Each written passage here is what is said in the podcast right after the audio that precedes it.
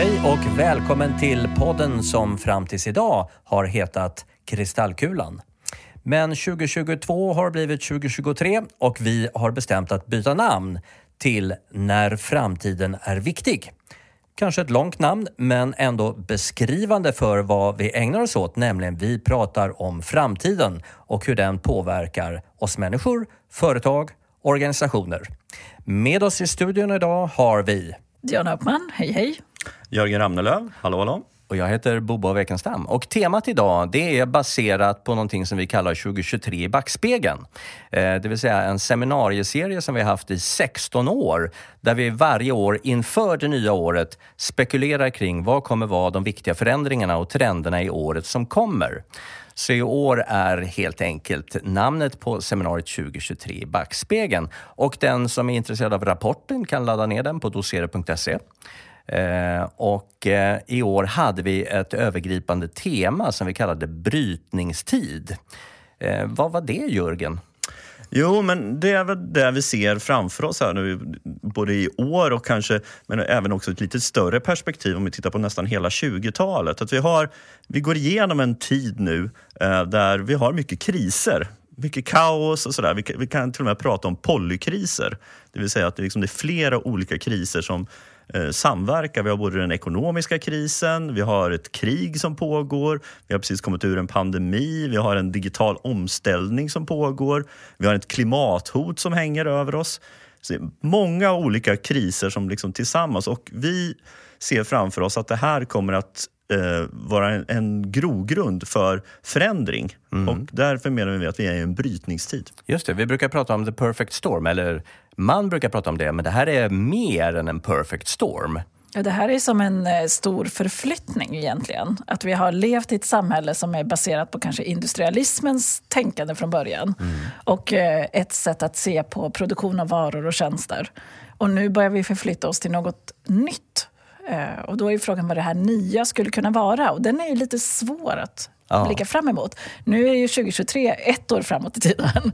Så vi kommer ju bara se spåren av, eller påbörjad krisdel och hur vi kan förflytta oss. Men det kommer nog ta en stund innan vi ser utfallet av Just den här det. stora brytningstiden. Den kommer pågå ett antal år, kanske mm. till och med något decennium. Mm. Och eh, de tre första avsnitten här i 2023 kommer vi ägna åt backspegeln. Så idag kommer vi prata om tre områden nämligen eh, autokratisering kallar vi det. Och vi ska prata om värderingar och vi ska avsluta och nämna någonting om ekonomi. Om vi börjar med eh, lite politik då, vad händer där? Jo, då säger vi att det vi ser runt om i världen det är en autokratisering och det betyder att vi går från demokrati till mer eh, en autokratstyrning. Eh, och det vi ser det är att hela världen är på väg i den här riktningen. Eh, hälften av världens demokratier är på väg i fel riktning, om man nu tycker att demokrati är bra. Vad är en autokratstyrning då, Bobo? Ja, men det, alltså det, det, det, kan man likställa med en diktatur, det vill säga mm. att man i, inte har eh, demokrati överhuvudtaget. Så, så diktatur och, och demokrati är eh, motpolerna. Mm.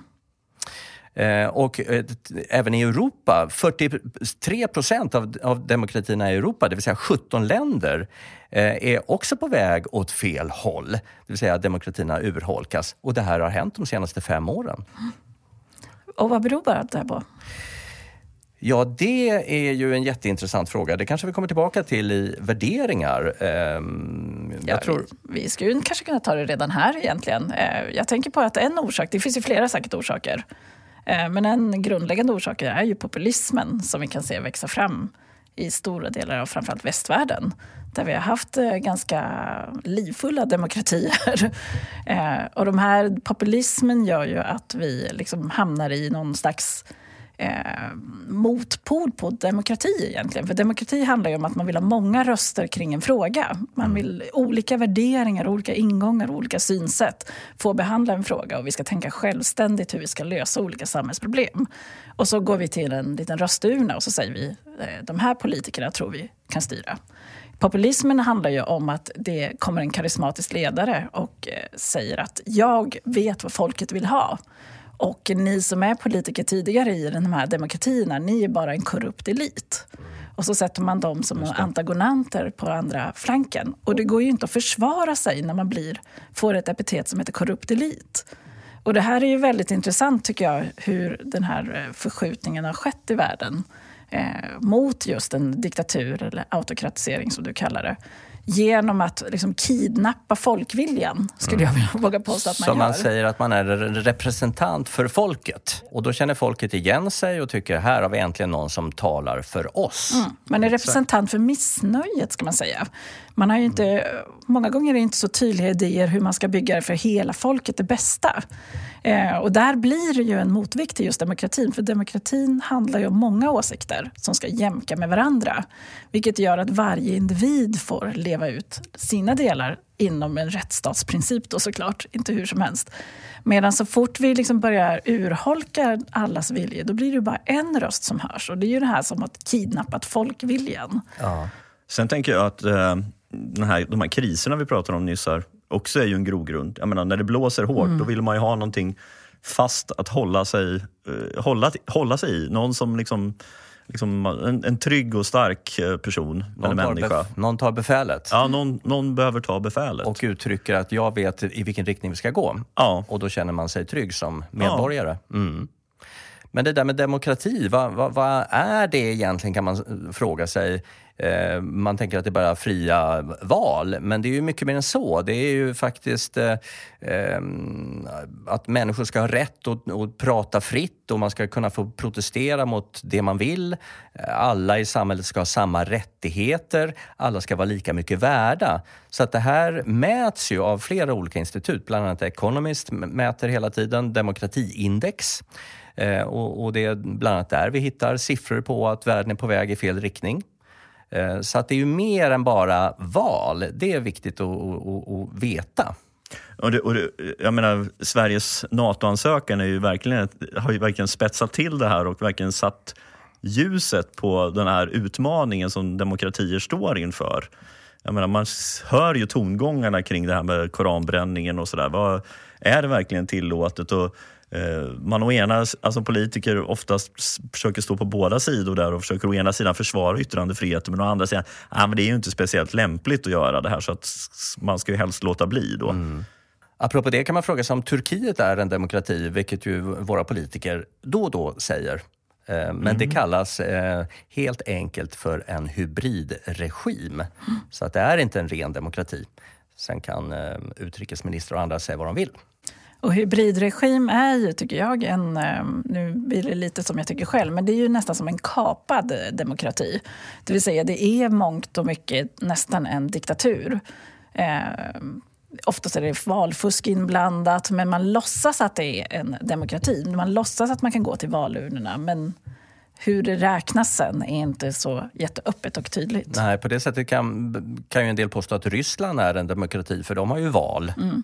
Men av någon anledning så är det samma person som vinner valet varje gång ganska eh, övertygande. Mm.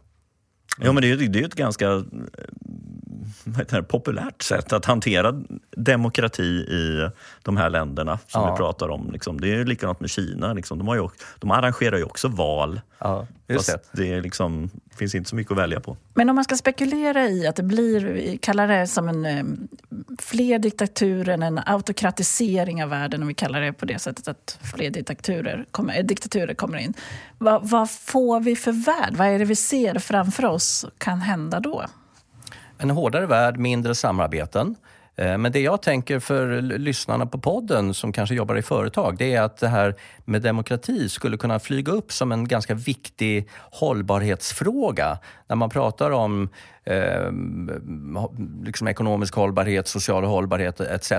Då tror jag att man ska hålla ögonen på det här med demokratier. Var köper ni eh, era eh, varor, det vill säga leverantörer? Var har ni leverantörer? Sitter de i, eh, i diktaturer? Det tror jag man ska vara medveten om. För det här är en fråga som pratas mer och mer om. Det är därför vi tar upp den.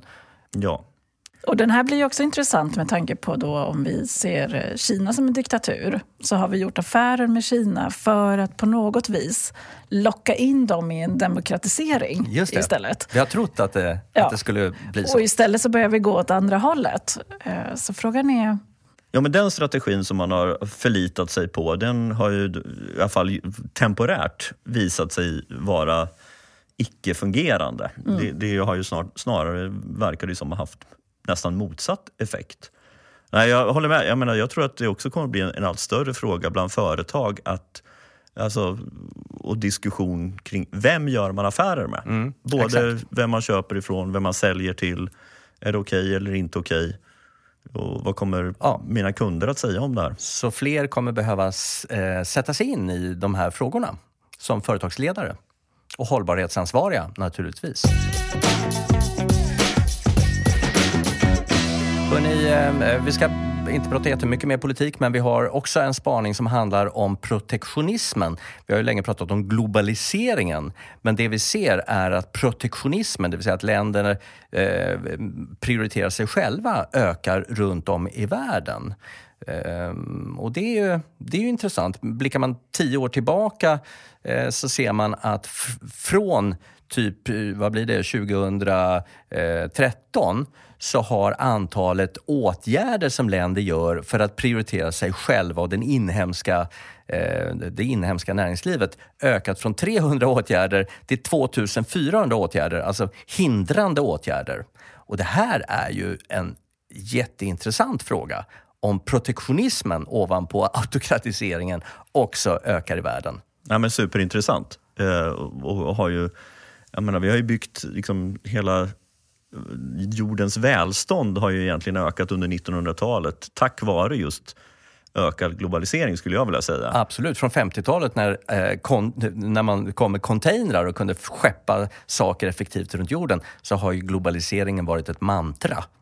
Ja, och här tycker jag att det är viktigt att få in också, för det finns ju någon slags antikommersialiseringstrend också i samhället, att man inte ska konsumera så mycket och handla så mycket.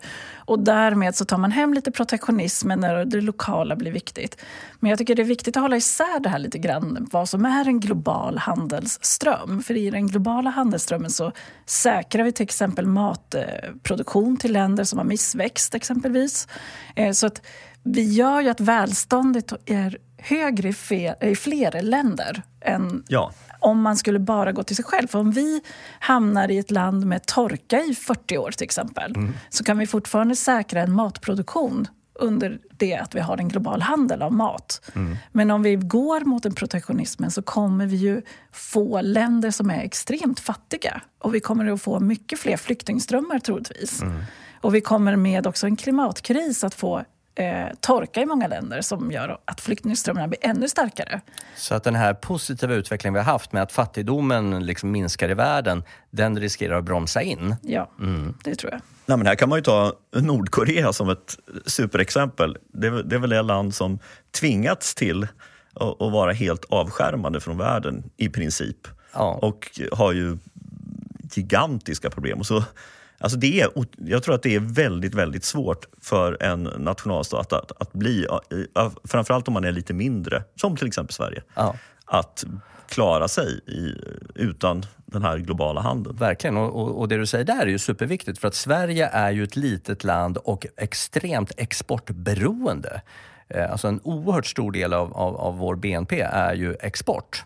Eh, så vi är beroende av eh, att globaliseringen fortsätter och det är därför vi också tar upp det. För att med protektionismen, det är lätt när man står där på ICA och det är en svensk flagga och det står närodlat eller närproducerat eh, och så tycker man ja det, det är tryggt. Men det kan vara bra som konsument och, och, och faktiskt vara medveten om vad det innebär. Mm. Jag tror lite som Diana, du var inne på, liksom den här målkonflikten. Alltså, det finns å ena sidan den här strömningen liksom kring klimatet och transporter och så vidare som vi behöver hantera. Och sen så har vi ju, samtidigt måste vi försöka att behålla de här positiva effekterna av globaliseringen. Ja, exakt. Sprida välstånd och... Svår balans. Ja, väldigt svår. Eh, och, och, bara för att avrunda kanske protektionismen så ser vi ju ett, ett, handelskrig som pågår hela tiden mellan USA och Kina och vi ser att till och med eh, USA och eh, EU börjar trilskas lite. Eh, USA har infört det här IRA, Inflation Reduction Act, som prioriterar amerikanska näringslivet när det gäller eh, grön omställning. Och i EU så har man något som kallas CBAM, Carbon Border Adjustment Mechanism, som uppenbart eh, kan tolkas som protektionistiska eh, åtgärder. Jag tror att det var väl det som, antar jag, eh, låg bakom Teslas beslut nu att bygga sin nästa gigafabrik i USA. Just det, exakt. Så det, det, det är ju redan här och det påverkar redan. Ja. Så att eh, sista punkten på, på politik då. Vi, vi, har ju ett krig också eh, som pågår i Ukraina, uppenbart för alla. Eh, och här ser vi att oron i samhället ökar. 70 procent är oroliga för de konsekvenser som kriget i Ukraina kan få för samhället och 40 procent är, är, oroliga för eh, vilka effekter det kan ge för en själv och ens familj. Det är, det är också någonting som vi kommer eh, präglas av 2023. Vart det här nu tar vägen. Men ja. oron ökar. Och det ser man ju också den här spiraleffekten. När oron ökar så vill man också ha den här starka ledaren och vilket gör att vi går mot diktaturer. Eh, och nationalismen, vi vill ta hem allting. Så att just den här oron är ju nästan den farligaste hotet vi har mm. eh, i samhället. Ja, och den kan ju också leda till att, eh, att man får en, en förlamande effekt. Mm. Man, man, liksom, det här, liksom, utveckling stannar av och eh, vi blir verkligen liksom fast i det vi har just nu. Ja, exakt. Så där har vi lite grund till brytningstid. Och där byter vi lite ämne till värderingar. Eh, nu har vi pratat lite värderingar. Men jag tänker Diana, du har specialspanat lite på det. Ja, ett av kapitlen i Backspegeln är ju värderingar och vi har kallat det ismernas krig. En del har vi ju berört i politiken och det är ju ismerna som har ingått i de eh, traditionella demokratierna, det vill säga konservatismen, liberalismen och socialismen. Och det vi ser i demokrati är ju oftast en blandning mellan alla de här och det pågår nu ett krig precis som det vi har pratat om. Men det finns en annat lite värd, värderingskrig kan man väl säga som kanske kommer från eh, de andra stora rörelserna, det vill säga klimatomställningen som en eh, stor rörelse och även den digitala omställningen som en annan stor rörelse. Och eh, om vi bara backar bandet till demokratierna vi har och västvärldens synsätt så har vi alltid satt eh, människan i centrum och människan har stått över natur och andra vad ska man säga, levande varelser så har vi liksom sett dem som något eh, vi kan eh, använda som människor. Eh, och det kallas ju antropocentrismen, när man sätter människan i centrum. Och det vi ser en liten förflyttning eh, nu är ju något som vi kan kalla ekocentrismen eller biocentrismen. Vad är det? Ekocentrismen handlar om att vi sätter ekosystemet i centrum. Och biocentrismen är att vi sätter allt levande i centrum. Och när vi säger sätta det i centrum, det vill säga att vi sätter högst värde i till exempel ett ekosystem. Mm. Eh, och det blir ju en förflyttning om man har sett att människan kan få nyttja världen hur den vill. Man kan ta ut hur mycket metaller man vill. Man kan ta och exploatera jorden till eh, att eh, odla grödor som inte får en världssvält exempelvis. Och, och, och, det är då inte ekocentrism, det är mots, motsatsen? Då är vi i antropocentrismen, där vi sätter människan i centrum. Men mm. ekocentrismen, då sätter vi ett ekosystem i centrum. Då måste vi underkasta oss ekosystemet. Det handlar ju om att egentligen helt förflytta vårt tänkande. Eh, det kan handla om att vi kanske inte skördar en hel eh, areal som jag har odlat på. Om jag har odlat havre på en stor areal så kanske vi skördar hälften. Medan den andra hälften ska ingå i resten av ekosystemet. Det vill säga andra djur ska komma dit och beta. Eh, det ska få självså sig över marken. Det ska kunna eh, ingå i ett ekosystem när det förmultnar exempelvis. Att olika mikroorganismer ska få sitt. Eh, och vi har ju sett en rörelse på det här. Det finns ju, vi har ju sett att vi ger rättigheter till floder. Exempelvis det är att sätta ett ekosystem mer i centrum. Rättigheter till floder? Ja, en rättighet till en flod. Vi har också sett att man sätter starkare rättigheter till djur och djurs känslor. Mm. Eh, alldeles nyligen har det kommit en bok som eh, Marta Nussbaum heter hon, eh, som är en filosof som har skrivit om eh, jag tror den heter Justice for Animals, som handlar om mm. just eh, hur hanterar vi djuren och vad lever vi för sam samhället tillsammans med djuren. Och vi har alltid exploaterat djuren, hävdar hon. Och nu måste vi se det på ett annat sätt. De ingår i vårt ekosystem. Mm, så vi ser att eko, ekocentrismen ökar? Mm. Mm. Och det här är lite intressant, för inom ekocentrismen så finns det ju eh, dels en falang som kan vara mer åt demokratiskt, eh, att det här är ett synsätt eh, som är ganska hum både humant och bra för alla eh, levande varelser och ekosystemet i stort. Eh, men det finns också en falang inom ekocentrismen som vill att vi ska ha en global ledare som leder hela världen till att bli en, e- omställa om till en ekocentrism. Apropå demokrati och, ja, precis. Apropå ja, demokrati. Och autokratisering. Ja, och det här är ju en liten så mörkare del ska jag säga, i klimatrörelsen som börjar dammas av igen och bli tydlig. Eh, redan på 30-talet var det ganska många filosofer som drog åt den här eh, ganska auto, vad ska man säga, eh, att en stark ledare skulle eh, befinna sig och driva den hållbarhetsrörelsen. Det fanns också en ganska stark tanke på att vi inte ska vara så mycket människor på jorden utan vara färre människor. Och då kan man ju fråga sig hur ska det gå till? Ja, det kan man verkligen fråga sig. Ja, men det, var väl en del, det var väl en del nu när vi, när vi passerade 8 miljarder som tyckte, är det verkligen någonting att fira? Mm. Är det inte tvärtom? Ja, men verkligen. Mm. Eh, så, och det jag tänker om, om vi inför ekocentrismen eller biocentrismen, det kommer ju påverka hur vi pratar. Eh, jag kan tänka mig att vi, vi kommer att se floder mer, eh, inte som objekt utan som subjekt. Vi kommer att se floder som eh, att de befinner sig i någon slags rörelse vi måste ta hänsyn till. Fascinerande. Eh, så att vi kommer ju ändra troligtvis hela vårt språkbruk om vi rör oss mot den mm. ekocentrismen. Och vi kommer ju ändra vårt sätt att konsumera om vi rör oss mot ekocentrismen. Det här behöver ju inte betyda nödvändigtvis att vi går mot en dystopi eller måste ha trasor på oss utan det kan ju fortfarande göra att vi har ett välstånd. Men det här måste hänga ihop med klimatutmaningen utmaning, va? Att, att vi är på väg i den riktningen. Ja, jag tror mm. att det skjuts på av den klimatutmaningen vi ser. Mm. Eh, att eh, vi går mot den här omställningen. Ja. Så det är ju en falang. Ja. Och eh, en ökad frustration skulle jag vilja säga kring liksom hela klimatsituationen. Apropå det med, du säger, det tycker jag mig ha sett mycket, det här med klimataktivism.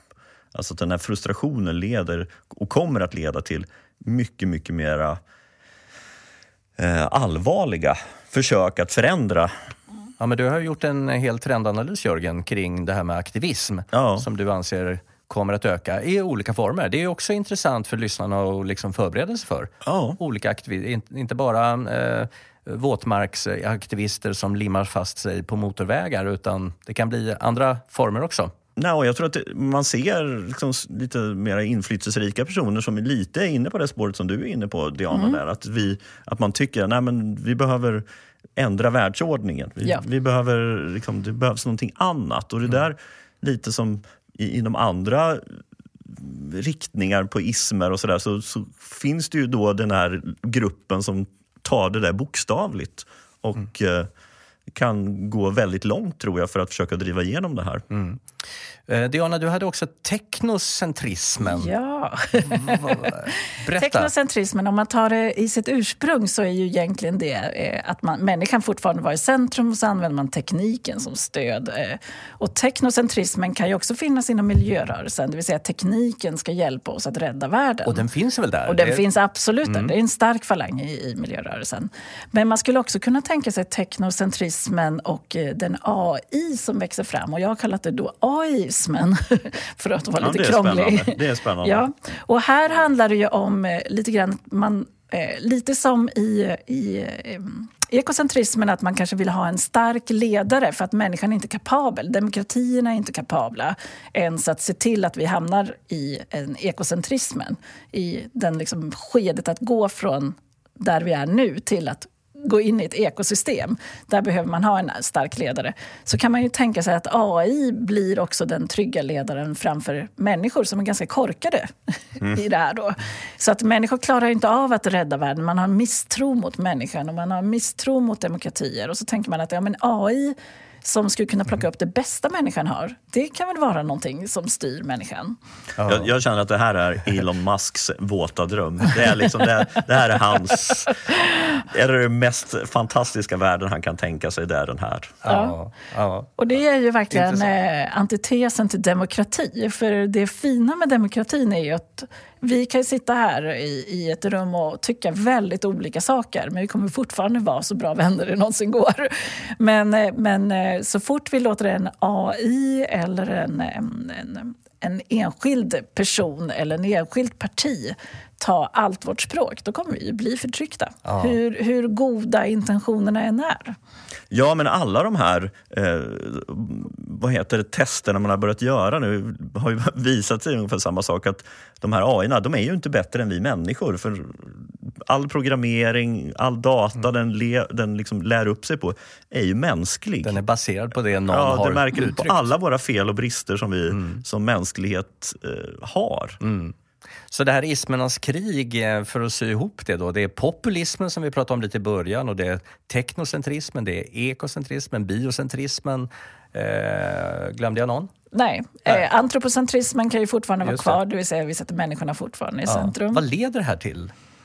Vad ska man tänka på som lyssnare? Nej, men jag tänker på att just ekocentrismen, eh, som jag tycker influerar ganska många företag just nu. Om ni tittar på många företag så försöker man ingå i ekosystem. Man har olika biotjänster till exempel, bio och ekosystemtjänster som man för in i eh, till exempel stadsbyggnader eller att företagen själv odlar och har bikupor på taket etc. etc. Alltså det är ju någonting som förs in i hela företagsvärlden. Så det kommer ju att förändra troligtvis vårt sätt att tänka även när det kommer till företag och produktioner. Eh, hur det kommer att förändra det är lite svårare att se. För att ekocentrismen så måste man ju sätta systemet, ekosystemet i centrum och inte människans eh, absoluta bästa i fokus. För det är ju det vi alltid gjort. Vi har ju försökt att sätta människan i fokus. Mm. Eh, och exploatera på allting annat. Här, är ju, här ska vi ju underkasta oss egentligen allt annat. Mm. Ja, men, men eh, i den underkastelsen behöver det inte innebära att det är något dåligt hela tiden. det kan finnas positivt i det också. Mm. Mm. Det vill säga vår överlevnad långsiktigt. Ja, men jag kan också se en konflikt växa fram, om du, precis som du säger, liksom när näringsliv och så vidare bekänner sig kanske till lite mer av de här nya, om vi får säga så, mm. e eh, centrismer, eller ismerna, ekocentrismen och teknocentrismen. Medan politikerna är kvar i sina gamla, de här liberalismen, konservatismen, socialismen. Ja, och då, de sätter de, mycket människan i centrum. Ja, och då, då, då kraschar ju de lite mot mm. varandra. Mm. Mm. Och vissa partier mer än andra, där ja. man tycker att vi ska inte göra avkall på någonting. Vi ska leva på som vanligt och ha ett gott liv. Inte offra någonting för miljö, djur eller någon och så vidare. Ja. Därav ismernas krig. För det kommer göra att eh, vi inte riktigt förstår varandra när vi pratar. För vi kommer att använda olika språk, olika grundvärderingar mm. som gör att vi inte möts. Och det Nej. finns det en stor risk i. En eh, spännande fråga. Vad tror ni eh, Sverige nu då, med den nya regeringen? Apropå populismen. Eh, är det det? Ser vi populism i Sverige? Vart är vi på väg? Är vi på ja. väg att autokratiseras eller mer demokratiseras i Sverige? Eh, frågar du mig, eh, det är ju självklart en glidande skala. Det går inte att jämföra oss med eh, många andra länder som är väldigt långt ut på den skalan. Nej, men... Vi ligger ju faktiskt på plats fyra, eh, ja. alltså från toppen, eh, eh, det vill säga en sund demokrati. Ja, min uppfattning är att isolerat titta på Sverige så tror jag att vi glider åt fel håll på den skalan. Mm. Diana? Det är min uppfattning också. Och det finns ju två statsvetare som jag tycker har gjort en ganska bra beskrivning på hur man vet att man är inne mot en sån här hybridregim och en autokratisering. Och de heter Steven Levitsky och Daniel Siblat, eh, två statsvetare. Och de har ju eh, till exempel att det är en karismatisk ledare som kommer. Eh, det är steg den, ett. Steg ett. Den karismatiska ledaren talar för folkets missnöje, som är lite steg två. Den den ser en korrupt elit, det vill säga de traditionella politikerna. Det är steg tre. Sen finns det ett steg 4A och 4B i deras eh, olika steg. Och 4A det handlar om att det finns ett antal partier som lierar sig med den här karismatiska ledaren i syfte att eh, ta bort dens karisma.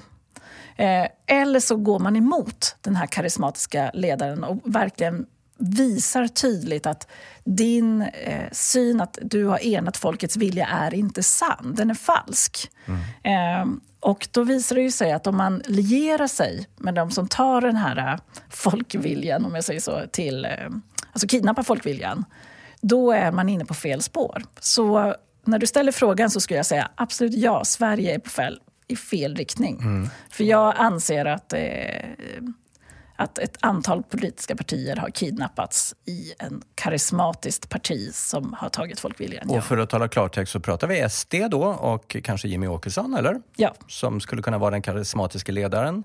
Och eh, partierna runt omkring honom är moderater, kristdemokrater och eh, liberaler. Mycket Uff. överraskande, ja. ja, ja. Eh, ja, det är en allvarlig... Nej, men det, det, det, jag tror att det kommer att bli en stor diskussionsfråga. Det kommer att bli en jättefråga här framöver, hur det, hur det kommer att utveckla sig. Mm.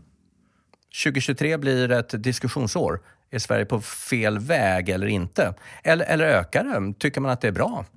Ja. För populismen har väl en, ändå en tendens att eh, förstärkas? Ja, den gör ju eh, alla svåra frågor väldigt enkla. Just det. Många gånger. Vi har svaret. Vi mm. sänker bensinpriset ja. eller vi ger elstöd eller vi mm. ser till att det blir bra för folket. Mm. Eh, och sen blir det andra konsekvenser som är svåra att hantera. Nej, men skulle den här nuvarande regeringen få igenom flera av de här symbolfrågorna som man har gått till val på, då, då ja, skulle inte alls förvåna mig om stödet ökar ganska kraftigt, ganska snabbt. Mm. Ja, det blir ett intressant eh, val nästa gång.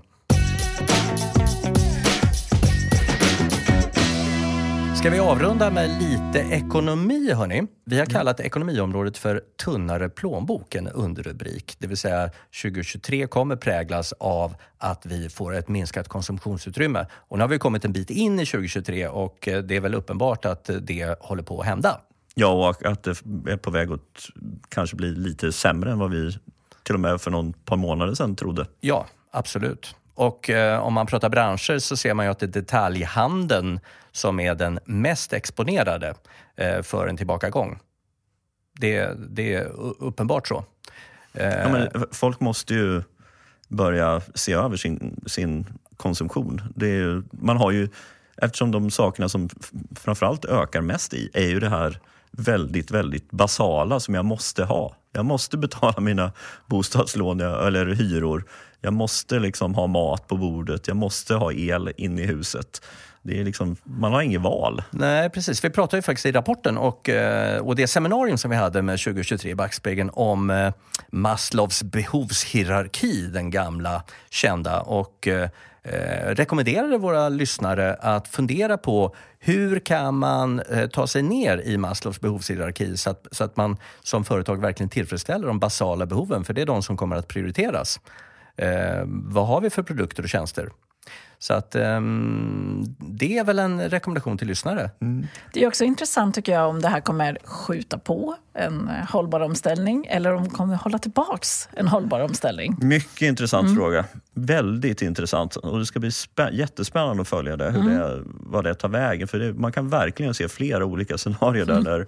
Där där, just hållbarhetsfrågan blir totalt ointressant för att det är bara överlevnad som gäller. Mm. Eller så blir den här neddragningen i konsumtionen, har någonting gott med sig. Ja, för jag tänker också hela den här energipolitiken som har kommit också av eh, både kriget i Ukraina och energikrisen som vi både befinner oss i och står inför framför allt. För vi har ju en transformation mot att försöka konsumera ännu mer energi i utbyte av fossila bränslen sen tidigare.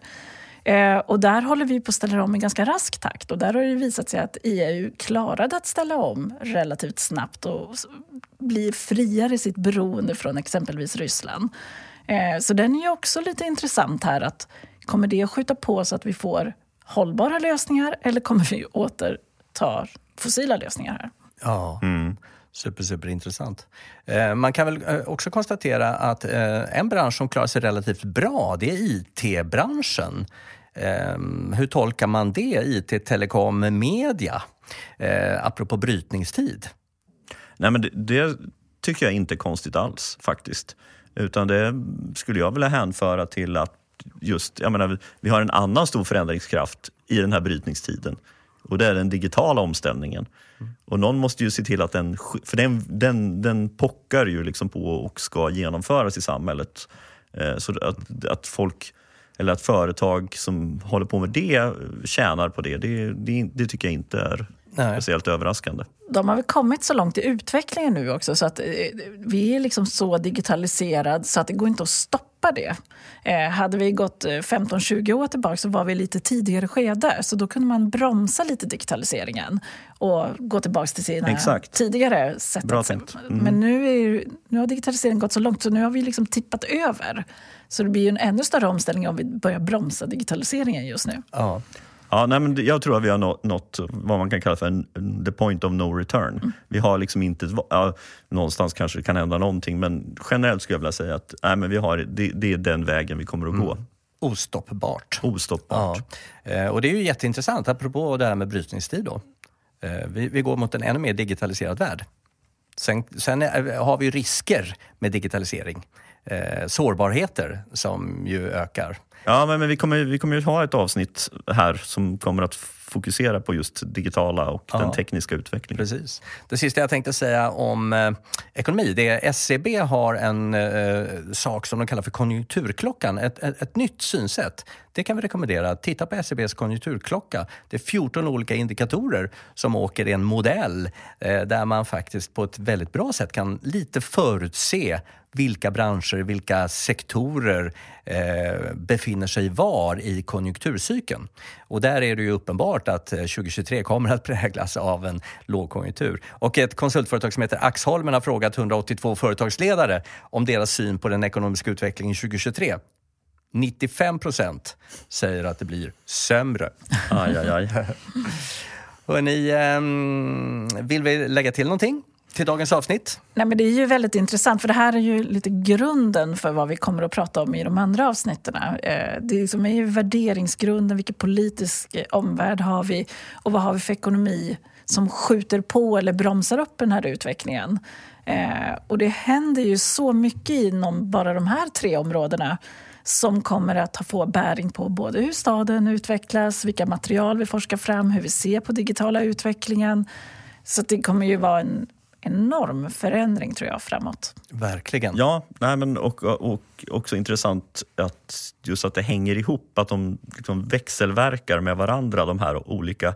Man kan tycka att exempel, demokratiseringen är, är ganska över, eller liksom känns lite, lite över huvudet på de, de flesta sådär. men faktum är ju att det även påverkar det andra också. Mm. Ja, det påverkar ju arbetsliv, vardagen, företag, anställningar vad jag äter på ja, bordet. Mänskliga relationer. Ja. Hur vi... Just det. Och nästa avsnitt, då kommer vi att prata om arbetsliv, vi kommer att prata om shopping och vi kommer att prata om staden.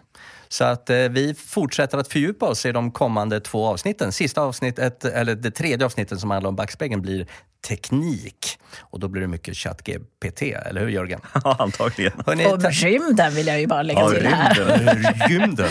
rymden. Hörrni, eh, tack kära lyssnare för att ni har lyssnat på vår podd. Eh, vi eh, tänker att vi avslutar den här sändningen med en låt av Tracy Chapman som heter New Beginning. Det passar väl bra? Passar utmärkt. Tack Jörgen, tack Diana. Tack så mycket. Tack för att ni lyssnade. Hej då! Hej då! Hej då!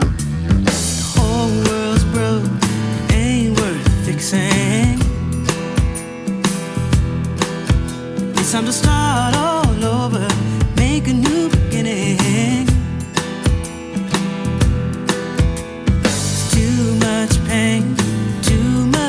much suffering. resolve to start all over